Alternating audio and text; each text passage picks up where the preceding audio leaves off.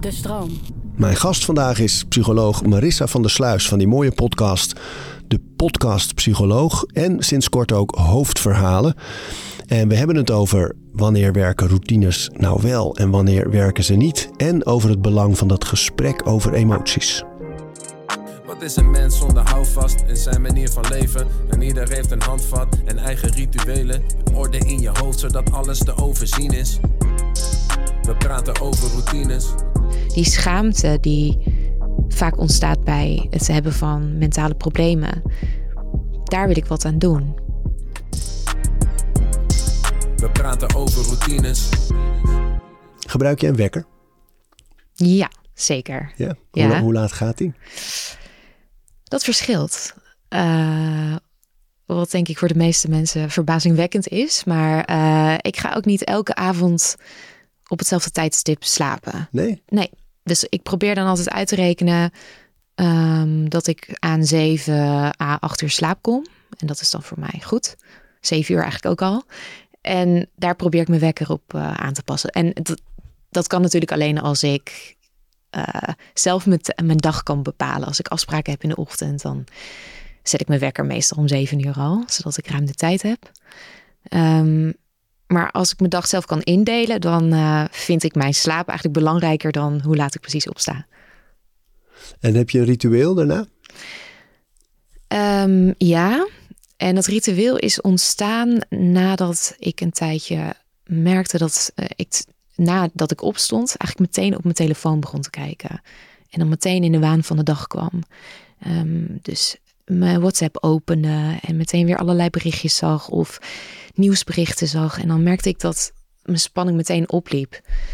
Ehm, en s ochtends ben je zo sensitief eh, voor al dat soort dingen dat ik eh, besloot dat ik daar wat aan wilde doen. Ehm, en nu begin ik de dag met een meditatie, met een korte meditatie. Wat doe je? Ehm, het is een geleide meditatie van eh 10 minuten. En ehm, ja, elke ochtend is de meditatie anders. Het is, het is gewoon een app die ik meteen aanzet. Welke app is dat? Calm. Oh ja, leuk. Ja. mooi hè. Maar vanuit jouw vakgebied, wat, wat gebeurt er nou eigenlijk met meditatie? Want ik weet dat je Ehm, daar ook afleveringen over hebt gemaakt. Ja, In al die seizoenen, zeven inmiddels. ja, ja, je eigenlijk je focust op je ademhaling en niets hoeft te veranderen. Dus je gaat oordeelloos eigenlijk kijken naar de gedachten die op dat moment in je opkomen en je hoeft er op dat moment niks mee. Ehm, en door dat te trainen leer je dat je niet altijd iets of door die gedachten hoeft te worden meegesleurd. Ehm, dat je niet altijd meteen hoeft te reageren. Dat je ze niet hoeft weg te maken of te neutraliseren. En dat kan wel weer helpen om in je dagelijks leven wat meer afstand te nemen van eh, ja, je eigen gedachten. En dat doe je juist, juist in de ochtend om dus die afstand te creëren en wel gewoon, ehm, ja, hoe moet je het noemen? Gefocust of alert aan de dag te beginnen. Ehm, ja, ik weet niet precies of ik het doe om alert of gefocust aan de dag te beginnen. Ik heb niet zozeer dat, dat doel. Het is meer ehm, het leren even te zijn met alles wat er op dat moment is. Dus even stil te staan bij wat, hoe mijn lichaam aanvoelt. eh, zonder dat ik daar iets aan probeer te veranderen. Dus het helpt me denk ik meer op lange termijn om ongemak te accepteren. Misschien is dat het. Ik kwam er even niet uit net. Maar om te verdragen dat het leven vaak niet loopt zoals ik wil dat het loopt. Mooi. En, en dat is voor mij het meest verkrachtige wat er is. Niet dat er, dat er geen neg of negatieve emoties, daar kan ik het straks ook nog wel wat over zeggen. Want ik weet niet of, e- of die negatieve emoties altijd zo negatief zijn. Maar de emoties die soms niet fijn voelen, als ik daarmee kan zijn en mee kan leven en dat kan verdragen, dat is voor mij meer geluk dan dat ze er niet zijn. Dus gewoon de acceptatie. Ze Ja. zijn er. Het, het accepteren van de realiteit. Ja, ja. Ehm, het laten binnenkomen van de realiteit. En dat, dat klinkt alsof ik dat onder de knie heb, hè? Nu. maar dat, ik wil er wel bij zeggen dat dat helemaal niet per se zo is. Nee, net als ik- iedereen. Ik wou net zeggen, net als iedereen. En omdat jij psycholoog bent, dan Ja. weet je het allemaal. Maar nee, dat vind ik juist leuk aan je podcast ook. Dat in die gesprekken, eh, aan de po- podcast Psycholoog bedoel ik dan Mhm. even. Want je hebt er nu nog één, een nieuwe. ja, Ehm, daar gaan we het zo over hebben. Maar dat je in die gesprekken met specialisten, vaak uit je vakgebied, eh, wel ook best wel veel eh, van je persoonlijke vragen en ervaringen eh, meeneemt. Dat, dat vind Ja. ik, daar zit een. het is niet zozeer denk ik kwetsbaarheid, maar er zit wel iets in waardoor het makkelijker identificeren is. Dan is Ja. het niet een gesprek tussen twee mensen die heel veel uit, uit boeken weten en uit ervaringen van praktijken, maar Mhm. die het ook echt zelf voelen en ervaren soms. ja. Dat is sterk. Ja, dat, dat is. eh, enerzijds was dat de intentie om dat te doen toen ik eraan begon. Maar je moet je ook voorstellen dat toen we eraan begonnen. wij dit gewoon als hobbyproject deden voor COVID nog. En ik wilde graag psychologie toegankelijker maken voor een breder publiek. 100 mensen of zo. Wist ik veel. Wij begonnen maar. Ik begon maar gewoon in de studio met drie gasten. En ik, ik, ik ben heel eerlijk in mijn podcast. Ik ben heel echt. Ik denk dat je dat misschien bedoelt daarmee. En daarmee misschien ook kwetsbaar. Ehm, maar ik heb natuurlijk nooit van tevoren kunnen bedenken dat zo ontzettend veel mensen nu naar de podcast luisteren. Dus af en toe kan me dat ook wel aanvliegen. En tegelijkertijd denk ik, ja, ik ga ook niks veranderen. Ik wil ook zo eerlijk blijven zijn. En- maar wel met, met in mijn achterhoofd niet alleen maar om mijn eigen problemen op tafel te leggen, maar ook om te laten zien dat we allemaal met dingen te maken hebben, ook psychologen, dat we allemaal mensen zijn en dat ik toevallig de kennis heb die ik er af en toe bij kan pakken Eh, en dat dat mij helpt. En dat wil ik graag delen met eh, de luisteraars. ja, mooi. Ehm, ja. En even terug in je ochtend, van, ehm, dat je die telefoon, dat je gewoon merkt, oh ja, als ik daarmee begin, dan, dan, dan begin ik gewoon ook niet lekker aan die dag. Hè? Nee, Wat, ehm, waar, waar haalde je dat vandaan, dat inzicht? Waren dat jou, jouw benen? Ja, we hebben, Ja. alle- we hebben allebei hele lange benen. Ja. ik dacht, wat voel ik nou? Mijn vrienden noemen mij kat op stelten. Omdat ik zulke lange benen heb. En noemen ze jij met je twee meter lange benen. En dan zien ze mij weer struggelen op de bank. Dat ik niet weet waar ik Nee, ze laat ze liggen, moet. laat ze liggen. Ik ga eromheen. Ik ga aan de andere kant liggen. Eh, wat was ook weer je vraag? Nou, de, de- dus ehm, het inzicht van eh, die telefoon in de ochtend. Want bijna iedereen gebruikt de telefoon natuurlijk als wekker. ja, Dus eh, wekker uit, ik zit er al in. Eh, Dat, dat is wat bij de meeste mensen gebeurt natuurlijk. ja. En, maar dat je merkte van, oh ja, maar dit is voor mij geen goed begin. Ja, ik merkte dat de dingen die ik meteen in de ochtend zag, dat die een te grote plek innamen in mijn dag. Ehm, omdat mijn brein nog lang niet wakker genoeg was om dingen in perspectief te kunnen plaatsen. Ehm, om dingen in, in de context te kunnen zien. Dus precies datgene wat ik probeer te bereiken met mijn, of bereiken met meditatie, maar eh, wat ik hoop dat ik in mijn dagelijks leven kan doen, kunnen blijven uitzoomen, kunnen blijven relativeren. Dat lukt me juist niet als ik word meegezogen meteen te- eh, nadat ik wakker word in een hele nieuwsfeed met alleen maar dingen. Laten we wel wezen. Het nieuws gaat vaak over uitzonderingen en grote getalen mensen die iets is overkomen. En het is natuurlijk vaak negatief. Het is geen representatie van de werkelijkheid. Dus ik probeer sowieso met mijn nieuwsconsumptie bewuster om te gaan. Omdat, ja, ik, ik weet niet, volgens mij ben jij ook een beetje zo. Jij bent ook volgens mij een heel gevoelig persoon. En ehm, jij bent ook ondernemer, dus dan is het handig als je dingen voor je kan zien. eh, in, in, in, in visueel, die er nog niet zijn, of scenario's kan voorstellen. En dat gebeurt dus ook met negatieve dingen. Als dat bij mij, dat komt bij mij binnen, ik heb daar meteen een beeld bij. Dat doet me meteen iets.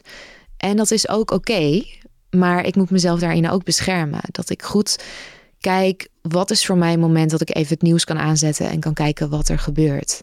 Ehm, en wanneer eh, eh, heb ik een dag waarop ik denk, het komt nu te hard binnen. Dat gaat mij, dat gaat mij niks brengen. Uh, dus ik probeer daar wel bewust mee om te gaan. Maar dat, dat is ook.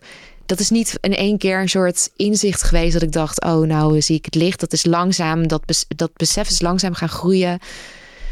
Van dit is niet goed voor mij. En die, die scan, hè, noem ik het dan maar even. Dat je voelt van: oh ja, vandaag moet ik gewoon even, even niet het nieuws opzoeken. Mm -hmm. of, of andere dingen. Ja. hoe, hoe doe je dat? Um, nou, daarbij helpt dus ook die ochtendmeditatie. Want dan kan je dus even voelen hoe zit ik erbij.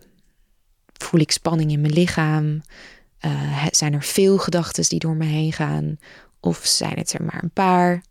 Um, dus dan kan ik ook bepalen van zit ik erg vol? Of heb ik zo'n dag dat ik me veerkrachtig voel? om welke reden dan ook. Dat is niet altijd duidelijk waarom.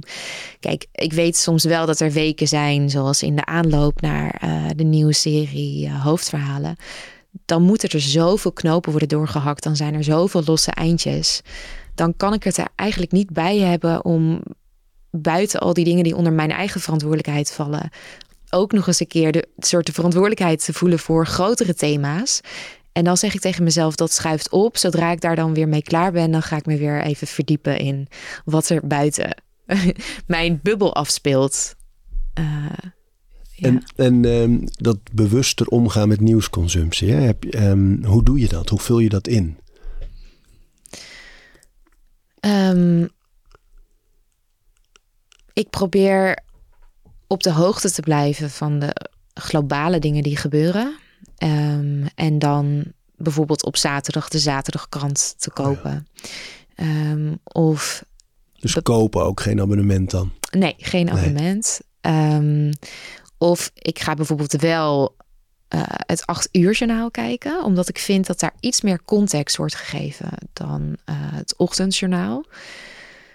Terwijl ik daarvan ook wel eens denk, ja, moet, moet, moet, ja, moet ik dit nu weten of zo? en tegelijkertijd zijn het mensen die daar wel zitten en hun best doen om in ieder geval uit te zoeken uh, ja, hoe dingen gaan of uh, wat er precies is gebeurd. Dus dat als er in ieder geval nieuwszender is, dan zou ik dan daarnaar willen kijken. Dat dan ook weer. Weer wel.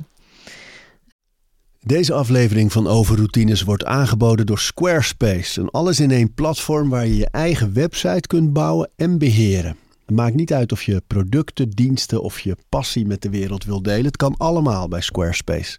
Ik noem even kort drie handige functies van het platform. Met het ontwerpsysteem kan je makkelijk je website vormgeven en het helemaal eigen maken. Squarespace analyseert hoe je website presteert en wat er voor nodig is om je bedrijf online verder te laten groeien. En ook kan je abonnementen en exclusieve content aanbieden aan betalende leden. Start nu je gratis proefperiode via squarespace.com slash overroutines. En ben je klaar om je website echt te lanceren? Gebruik dan de code overroutines. Dan krijg je 10% korting op je eerste aankoop van een website of domein. Um... Dus je kiest eigenlijk heel bewust van, dat is dan het NOS-journaal van, van 8 uur. Mm -hmm. um, Eén krant, in het weekend meestal. Ja. En dan gedurende de dag heb je nog checkmomenten? Of waar check je dan? Een bepaald platform? Of? Nee, nee. Ik kijk dan, ik kijk dan verder niet meer uh, wat er allemaal gebeurt. Nee, ja, nee. heel interessant. Want ja. het is echt voor veel mensen, omdat nieuws is zo breed geworden ook. Dat je inderdaad, nou ja, toen ik opgroeide, mijn ouders keken dan het acht uur journaal. En ook weer om tien uur precies hetzelfde journaal in mijn mm. ogen toen. Ja. Um, en dan hadden ze ook nog de krant. En soms stond de radio aan met nieuws. En het was de hele dag door die nieuwsstroom. En nu... Ja Heel veel mensen uh, checken nu bijvoorbeeld uh, linda.nl of nu.nl voor nieuws. Weet je wel, waar natuurlijk een heel andere filter op staat dan bijvoorbeeld NOS of uh, New York Times. Precies, dus ik kijk wel goed naar de bronnen. En ik volg natuurlijk ook veel um, ja, nieuws dat gaat over psychologische onderwerpen. Ja. Dus dan bijvoorbeeld Psyche, dat is een Amerikaans uh, psychologisch tijdschrift. Dat, dat volg ik dan. Of ik kijk wel eens bij Psychologie Magazine, hebben ze soms ook interessante artikelen. Um, en ik luister ook veel podcasts um, waarin het vaak wel gaat over de eh, belangrijke thema's die op dat moment spelen. Bijvoorbeeld de laatste tijd ben ik veel na aan het nadenken over uh, AI. En um, ja, de invloed daarvan, ik, ik denk daar veel over na van wat gaat het voor ons betekenen. En ik als psycholoog denk dan, ja, moeten we daar ook niet een keer over nadenken wat dit uh, psychologisch voor ons gaat betekenen in plaats van technisch, waar we het veelal over hebben. Um, en nou, dan luister ik bijvoorbeeld een podcast uh, met Marleen uh, Sticker. Oh ja, ja. Ik vind haar fantastisch. Ja. En ik leer dan zoveel van haar. En zij, ja, dan, dat gaat echt de diepte in. En dat vind ik eigenlijk veel interessanter dan al die losse koppen. Wat die dan weer zegt of wat die dan weer zegt. Maar ik wil dan meer toe naar de diepte van wat, wat betekent dit dan straks voor ons? En hoe ga ik me tot het nieuws verhouden? Um, dus, en wat is nu je, je, je, standpunt een beetje? Of je, wat zijn je gedachten over AI? Als je het vanuit die koker bekijkt, hè? Uh, hoef ik best wel een grote vraag en een pittige vraag. Um, ja, ik, ik heb vaak dat als ik uh, een bepaald fenomeen zie of een bepaalde discussie observeer, dat er een, bepaal, dat er een vraag in me opkomt. Meer dan dat ik er een mening over heb per se. Maar de vraag die telkens bij mij opkomt is: waarom vergeten we de vraag te stellen: waarom moeten we dit willen? Ja, kan je het nog tegenhouden? Dat is een andere vraag. Ja. waarschijnlijk, het antwoord daarop is waarschijnlijk niet. En, maar ik vind het toch apart. Waarom? Het, het is er. We kunnen het doen, dus dan gaan we het maar doen. Maar we hebben dan blijkbaar niet over nagedacht waarom we dit willen. Nee, dat is echt een mooi punt. Omdat, ja, wie zou dat moeten doen? Behalve wij zelf natuurlijk. Maar weet je, ik merk zelf dat ik heel vaak bij dat soort grote vraagstukken nog denk in de sfeer van: er is een verantwoordelijke partij die introduceert iets. Uh, en daar kunnen we dan iets van vinden. Mhm. maar, maar zo loopt dat natuurlijk met AI niet. Dus nee, het is overal. Het, is, het zit in mijn telefoon met Siri. Het zit uh, uh, in mijn Spotify met, met mijn voorkeuren. het, het, is, het is overal natuurlijk. Ja. ja dus wie, wie, reguleert nog?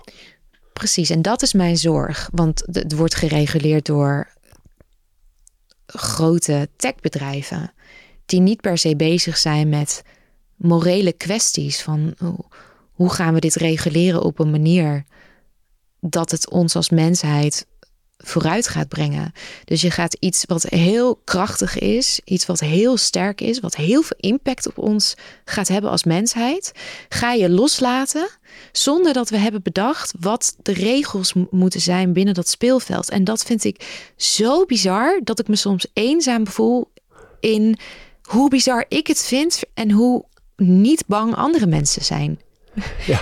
Snap je wat ik bedoel? En, Want bang, als je dat verder uit, uit afpelt, van is dan de zorg dat we, dat we de wereld ermee kapot maken of dat we de mensen iets aandoen? Onszelf? Ja, we hebben het vaak over um, dat AI onze banen zou kunnen overnemen. En dat is op niveau 1 waar ik me dan zorgen over zou maken.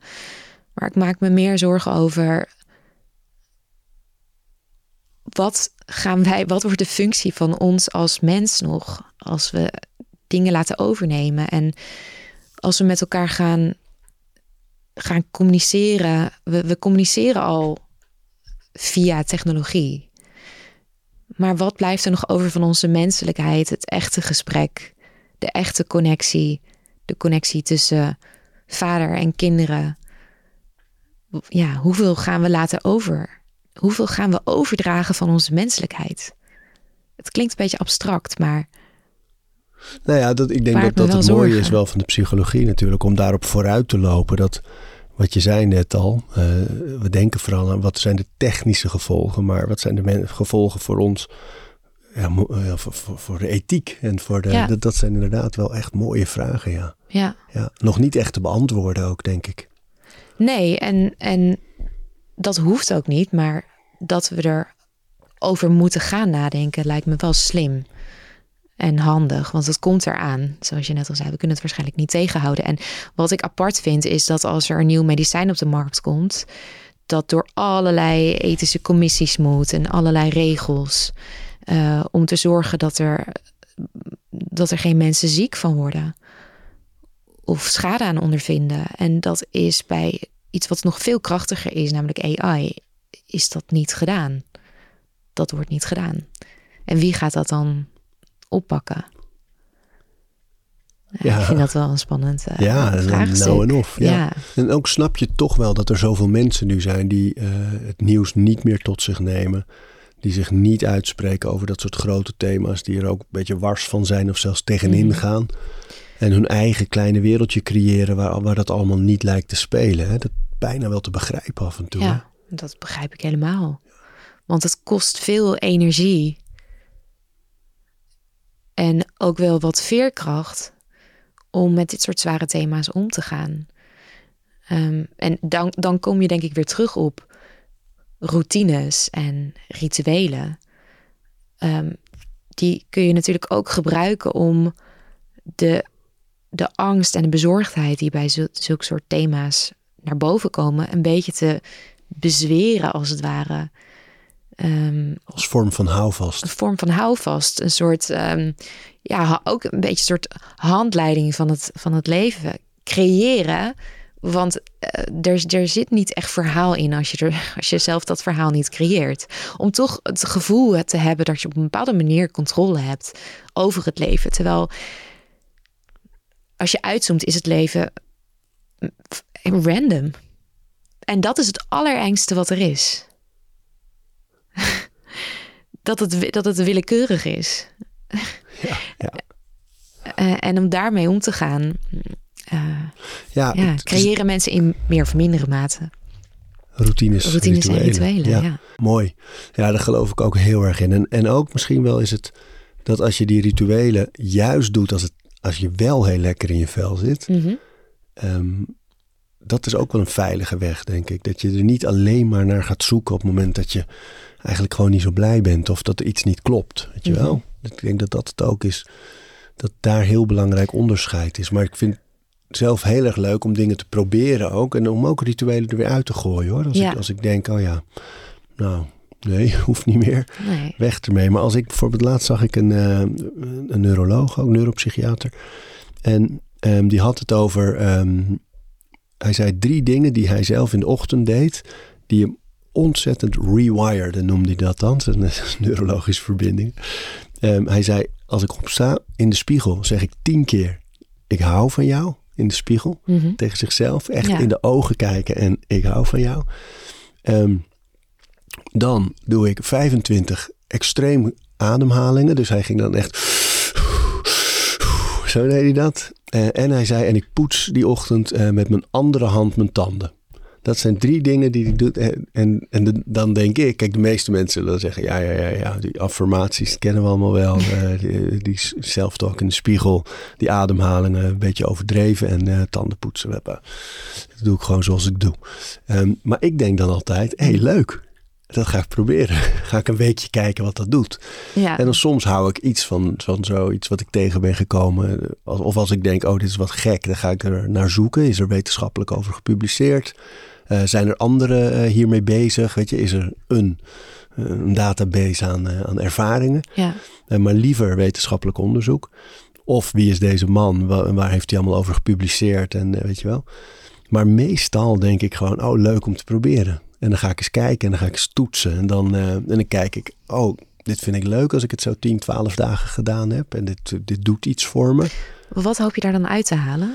Ehm, plezier allereerst. Dus dat is bij bijna alle rituelen die ik heb, is het allereerst dat. Dat ik van experimenteren. Zo'n ijsbad, joh. Ik geniet daarvan. Van dat moment dat ik er echt tegenop zie. Dan heb ik hem koud eh, laten koelen tot 2 graden in de zomer. En dan sta ik echt te aarzelen en er dan ingaan. En even ja, een soort min of meer vechten. Mhm. En dan die rust en die ademhaling. Alsof je bewust in de stress en dan dat overwinnen. Dat geeft zo'n enorme voldoening en ik plezier. Ja, ik heb het ook wel eens gedaan. Ja, dat toch? voelt hartstikke goed. Ja.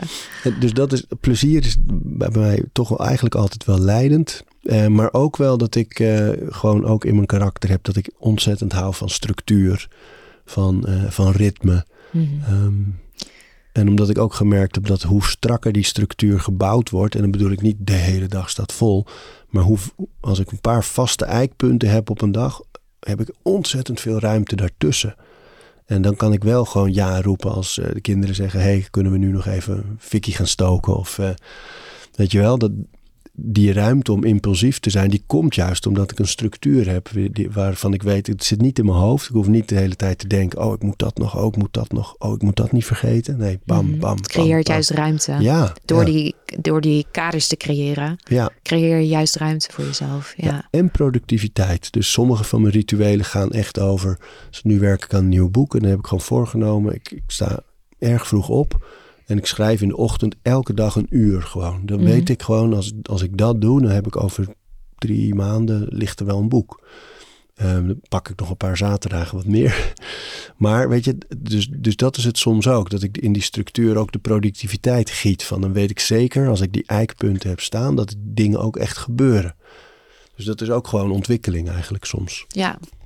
En kan je het dan ook verdragen als het niet gaat zoals je had bedacht? Meestal wel. En juist omdat veel van mijn rituelen heb ik echt al heel lang. En dan geeft het niks als het een dag of twee of een vakantie anders is. Want daarvoor wel en daarna ook weer.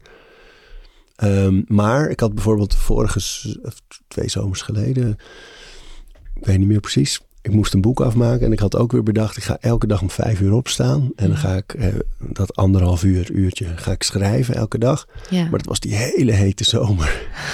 En eh, dus de, de nachten waren onrustig, de kinderen waren veel wakker en de vijf uur werd gewoon roofbouw.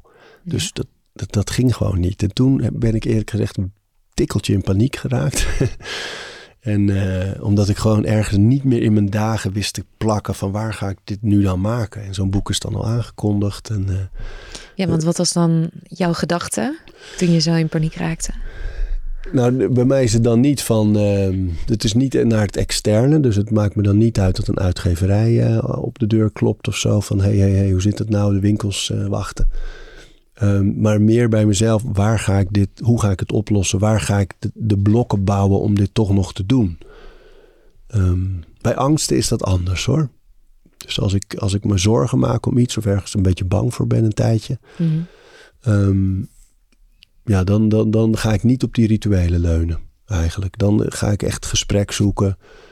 En, en, en ook gewoon het, het zinnetje van de problemen of de uitdagingen of de dingen in mijn leven die in mijn eigen hoofd gecreëerd zijn, ga ik niet met datzelfde hoofd proberen op te lossen. Dus ik, ik heb wel echt een ander nodig Ja, om te spiegelen en om mijn Als angst uit te eh, ja, te ja, ja, ja, gebruiken, ja, ja. En soms ook voor advies. Weet je, ik heb wat senioren in mijn leven die ik, waar ik bij ik aanklop om eh, soms eens te vragen van hoe zou je dat doen? Of, wat, Mhm.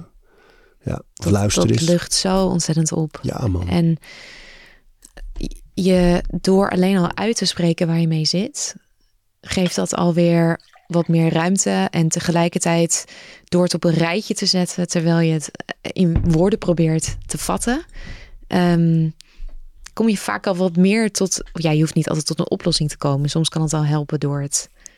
Door er niet alleen mee te lopen. Ja, hè? Ja. hoe werkt dat? Mm,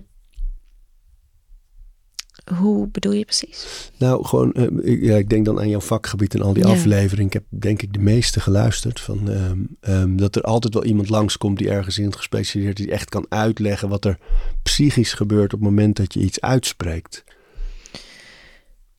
Nou, ik denk dat je dan ook terug kan gaan naar wanneer je iets niet uitspreekt. Mm. Ik denk dat een van de meest eenzame momenten is dat je zelf van binnen met iets worstelt, maar dat er van buiten niks aan je te zien is en de wereld gewoon doorgaat en je dat niet kan uiten.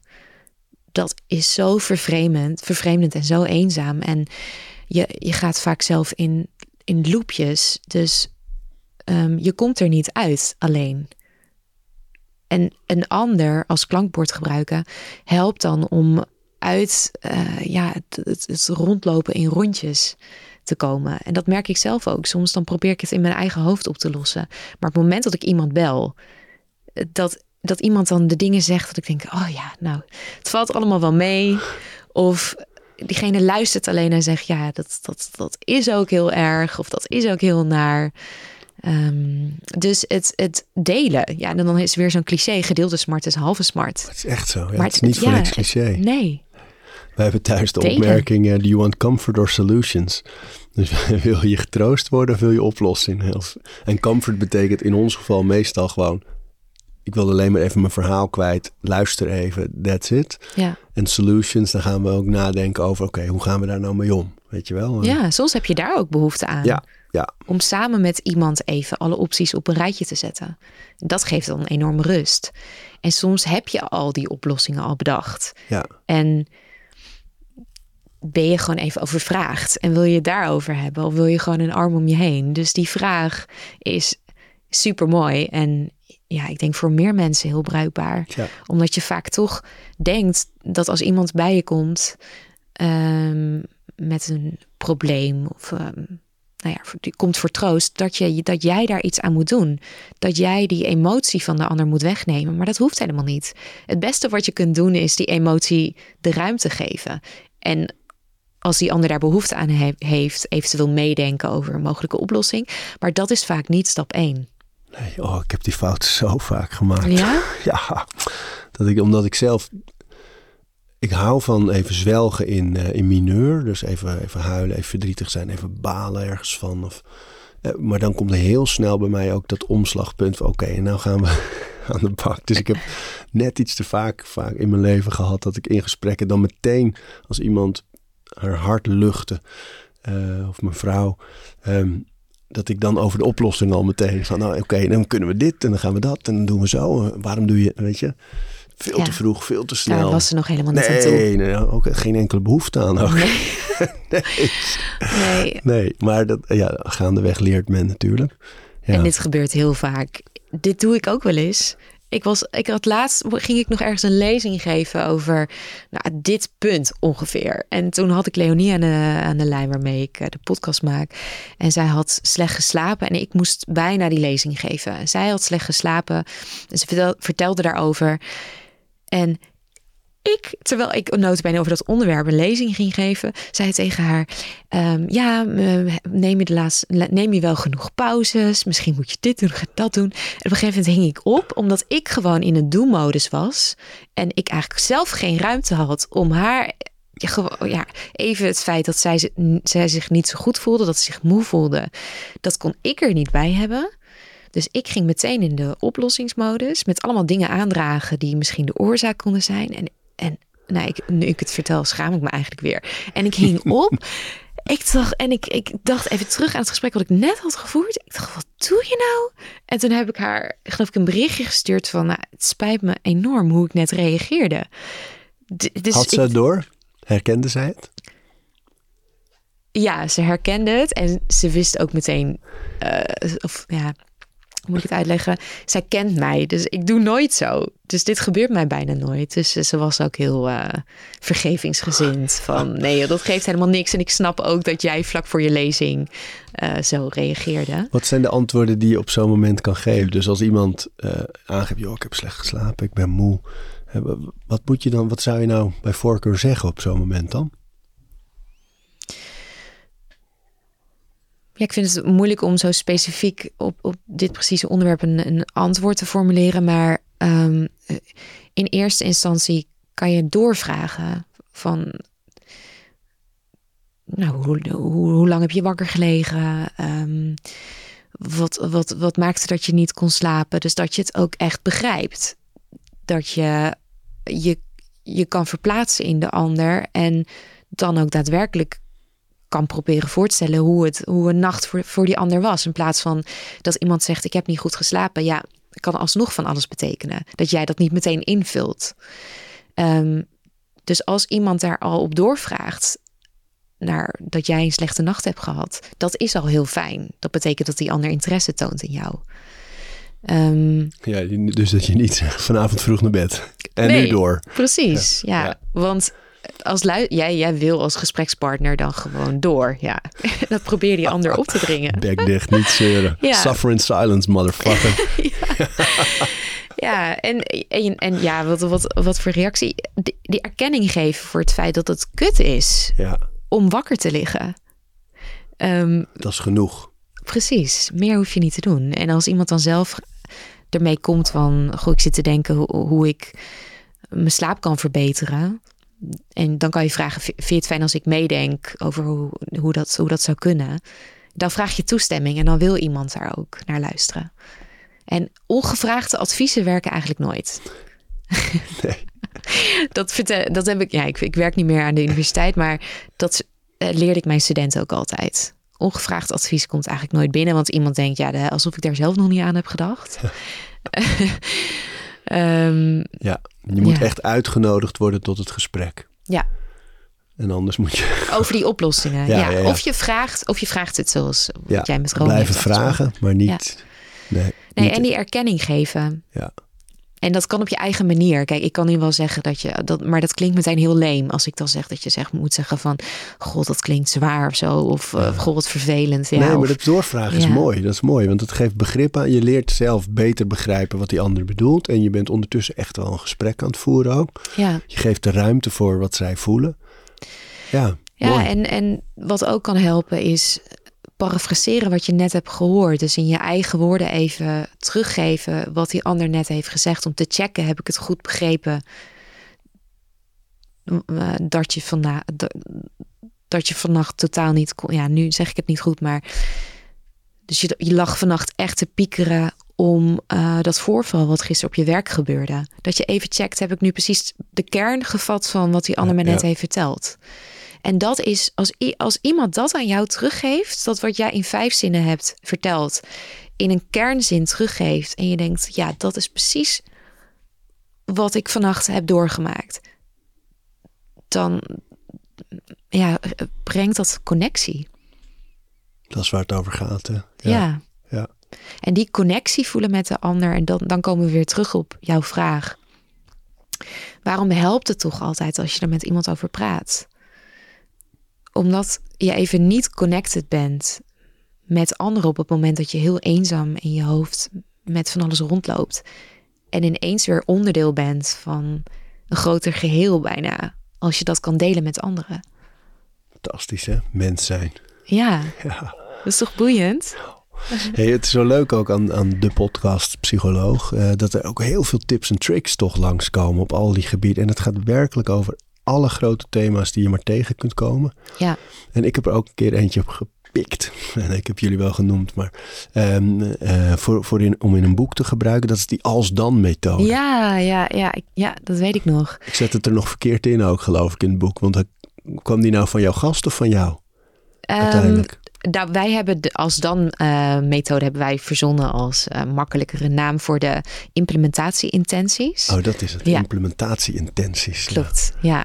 Maar, maar even, want dit is een thema dat ontzettend veel mensen altijd weer bezighoudt. Het gaat over als je ehm, met bepaalde goede gewoontes wil beginnen of juist slechte gewoontes af wil leren, dan werkt die als-dan methode. Klopt, ja. Ehm, en daar kan ik meteen mijn eh, meditatievoorbeeld, Mm.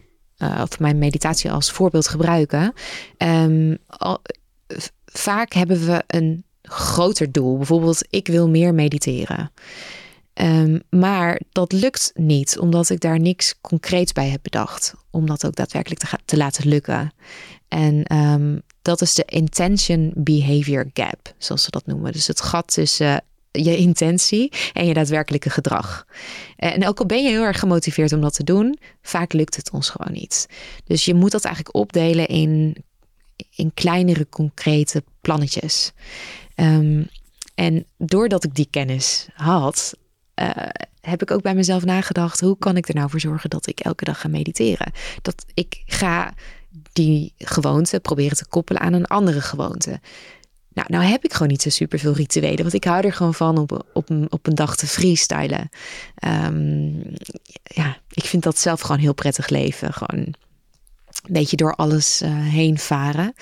Ehm, maar ik dacht, ja, opstaan doe ik elke ochtend. Dus mijn als dan plan, hè, dus dat is eigenlijk een trucje, dat, dat je een bepaalde eh, situatie koppelt aan heel specifiek gedrag. In mijn geval, als ik opsta, dan, dus als dan, als ik opsta, dan eh, leg ik onmiddellijk mijn kussen tegen mijn muur, ga ik rechtop zitten en zet ik ehm, Kalm. aan en zet ik de eh, Tamara, hoe was alweer? Tamara Lewis, Tamara eh, Lewis. de 10 minute eh, podcast op, de Daily Calm. en ga ik mediteren. En zo kan je dat ja, met veel meer intenties doen. Ik heb hem toen ik bij jou in de uitzending gehoord, dat heb ik hem ehm, geïmplementeerd om mijn ouders wat vaker te bellen. Dus eh, Oh. altijd als ik in de auto stap, dan bel ik mijn ouders. Oh, wat een Ik- leuke. Ik fiets het meest hoor, maar als ik in de auto stap, dan bel ik mijn ouders.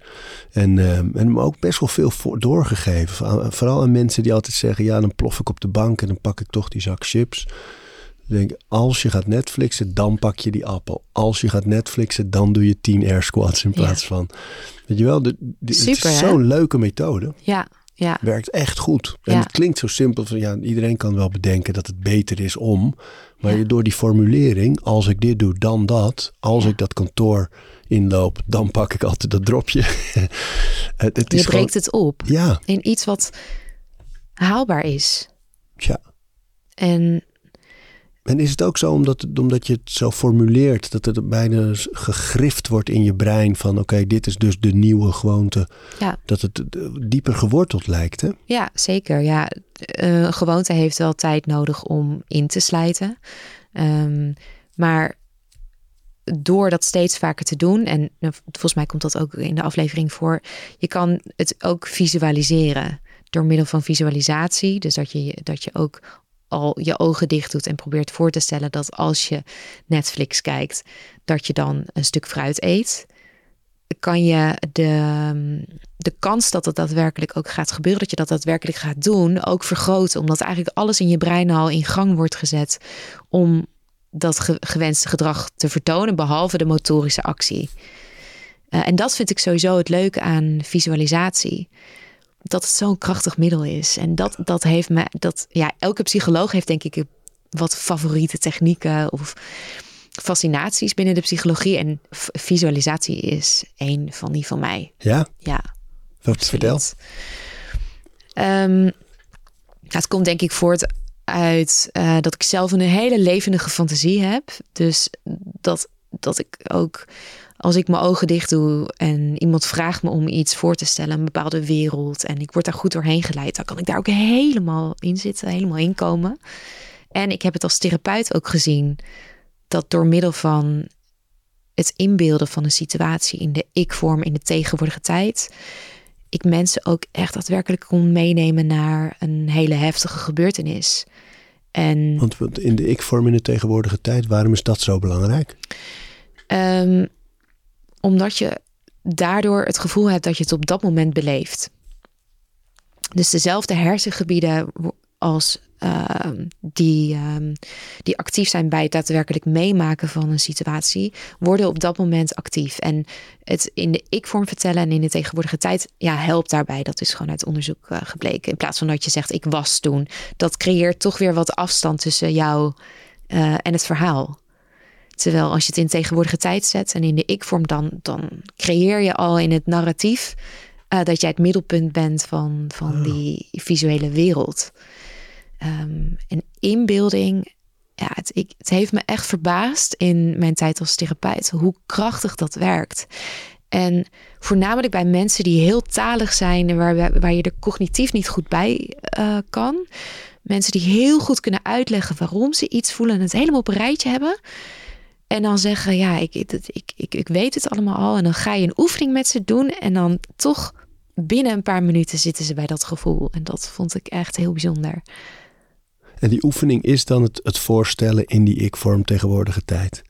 Het verhaal vertellen eigenlijk. Precies. Ja, ik heb dus ook ehm, nachtmerries behandeld. En eh, ik, ik had daar een soort onderzoekende rol. Of ja, ik was uh, destijds uh, therapeut in een onderzoek waarin we twee verschillende uh, methodes met visualisatie met elkaar vergeleken en keken of het mechanisme anders werkte. En beide technieken zijn heel krachtig, dus exposure um, en rescripting.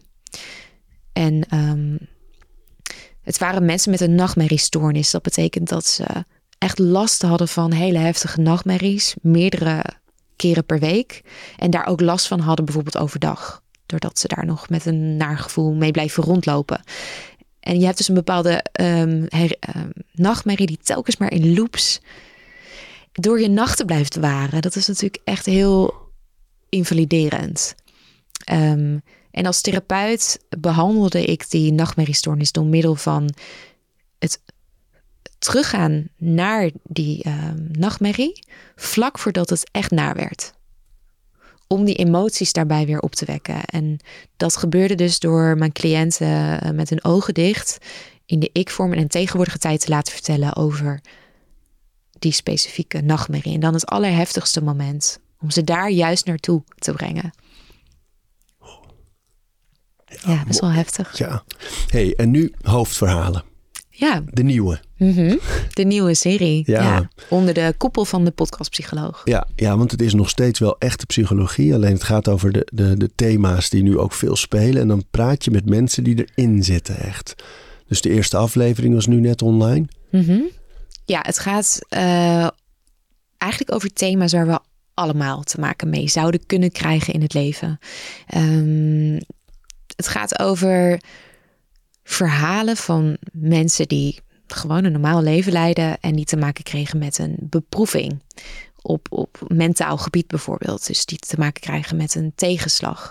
En um, ja, het gaat echt om, om, om de persoonlijke ervaring. Hoe is het om te maken te krijgen met negatieve gedachten, met depressies, um, met een tegenslag zoals uh, een tumor uh, ontdekken in je lichaam. Allemaal best wel heftige dingen. Um, en dit keer praat ik er niet over met een expert, maar met iemand die het zelf heeft meegemaakt. En beschuwen niet om toe te gaan naar het echt een moeilijke moment. Um, maar de aflevering gaat ook altijd over, ja, wat heeft jou geholpen om daar weer uit te komen? Hoe is die reis gegaan? En we, we blikken ook terug. De eerste aflevering is best wel intens meteen. Met Vroon. Ja. Mooie naam, hè? Ja. En, um, en als je daarover nadenkt, hè, met zo'n verhaal, met zo'n meisje, het gaat uiteindelijk over. Uh, ze had eigenlijk alles wat vriendinnetjes ook willen. Hè. Heel leuk en goed leven, ogenschijnlijk. Ja. Maar toch uh, uh, zelfbeschadiging, zelf gedachten over zelfdoding. Mm -hmm. um, wat, is, wat, wat is je doel met zo'n verhaal?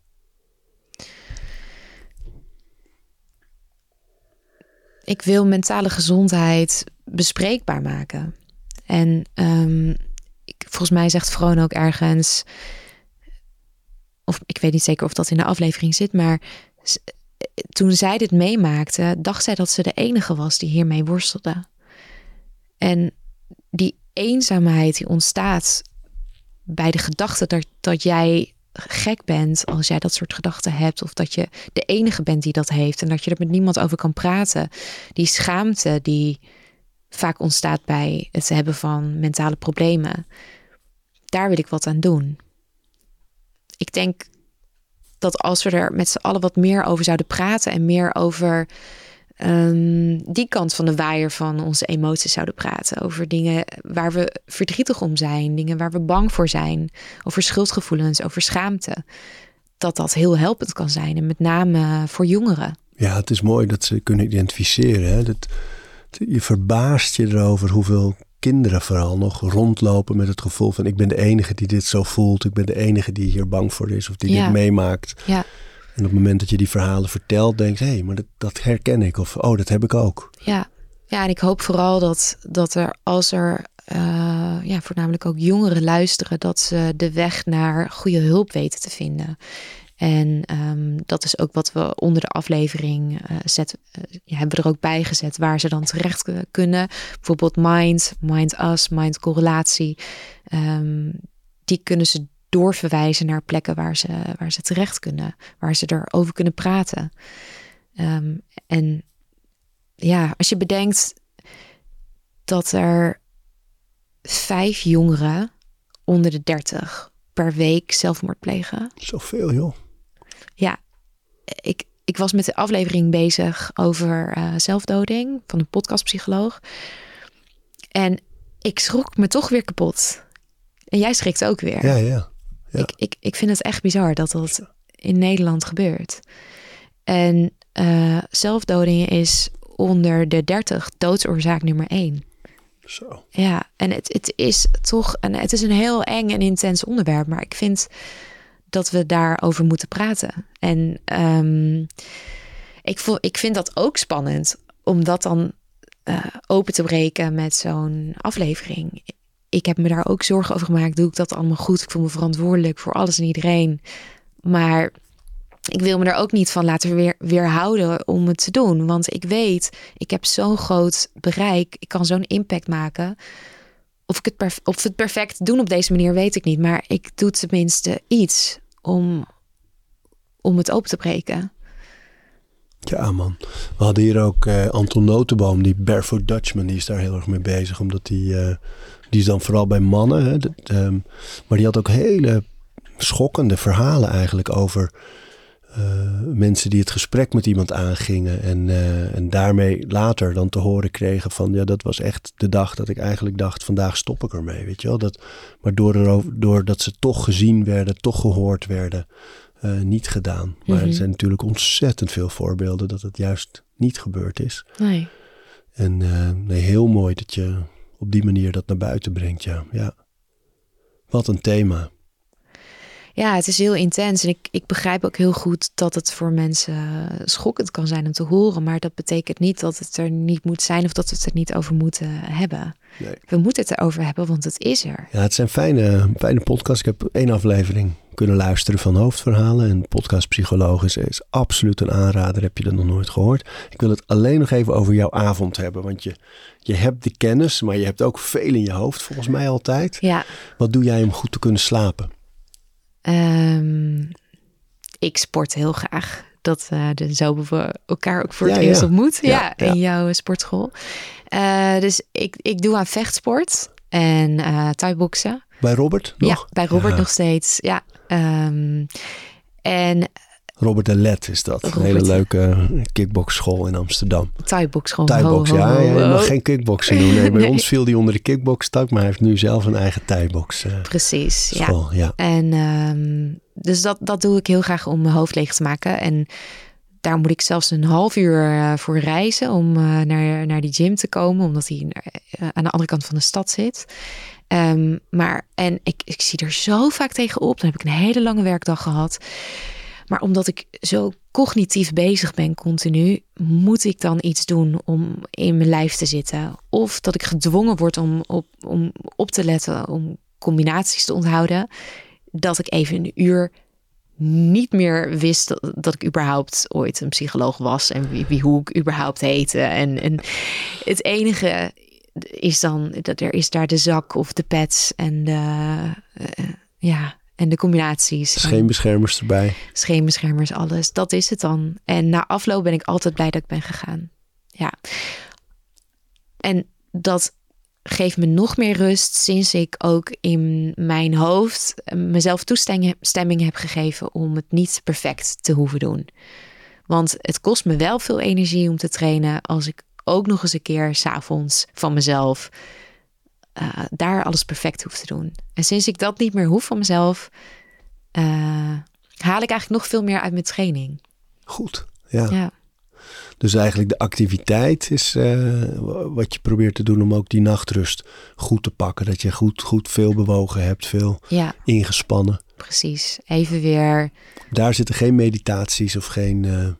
Nee, nee, nee. S'avonds, ik ga denk ik redelijk laat slapen vergeleken met uh, mensen gemiddeld. Ja, ik heb natuurlijk ook geen gezin, ik heb geen kinderen, dus dat is ook weer anders. Hoe laat ga je? Meestal om 12 uur. Um, maar omdat ik s'avonds gewoon heel blij ben en veel ideeën heb en hou, ervan hou om muziek te luisteren. Dus dat is echt een beetje mijn moment om ja, inspiratie op te doen. Om, om te lezen, om iets te kijken. Dus um, ja, dat, dat is dan genoeg. Ik, kan, ik, ik slaap heel goed in. Dus ik heb eigenlijk nooit uh, slaapproblemen. Lekker. Ja. Goed. En dan de nacht. En dan begint hij weer bij de dag. Ja. De cirkels van het leven. Ja, en dan is het, het is allemaal weer rond. Leuk man, allemaal. Leerzaam. We praten over routines.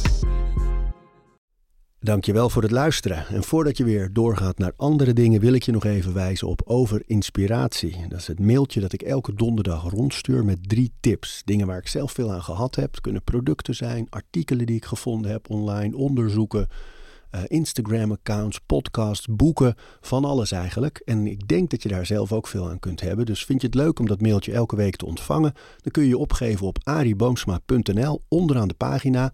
Dan krijg je voortaan elke donderdag in je mailbox over inspiratie.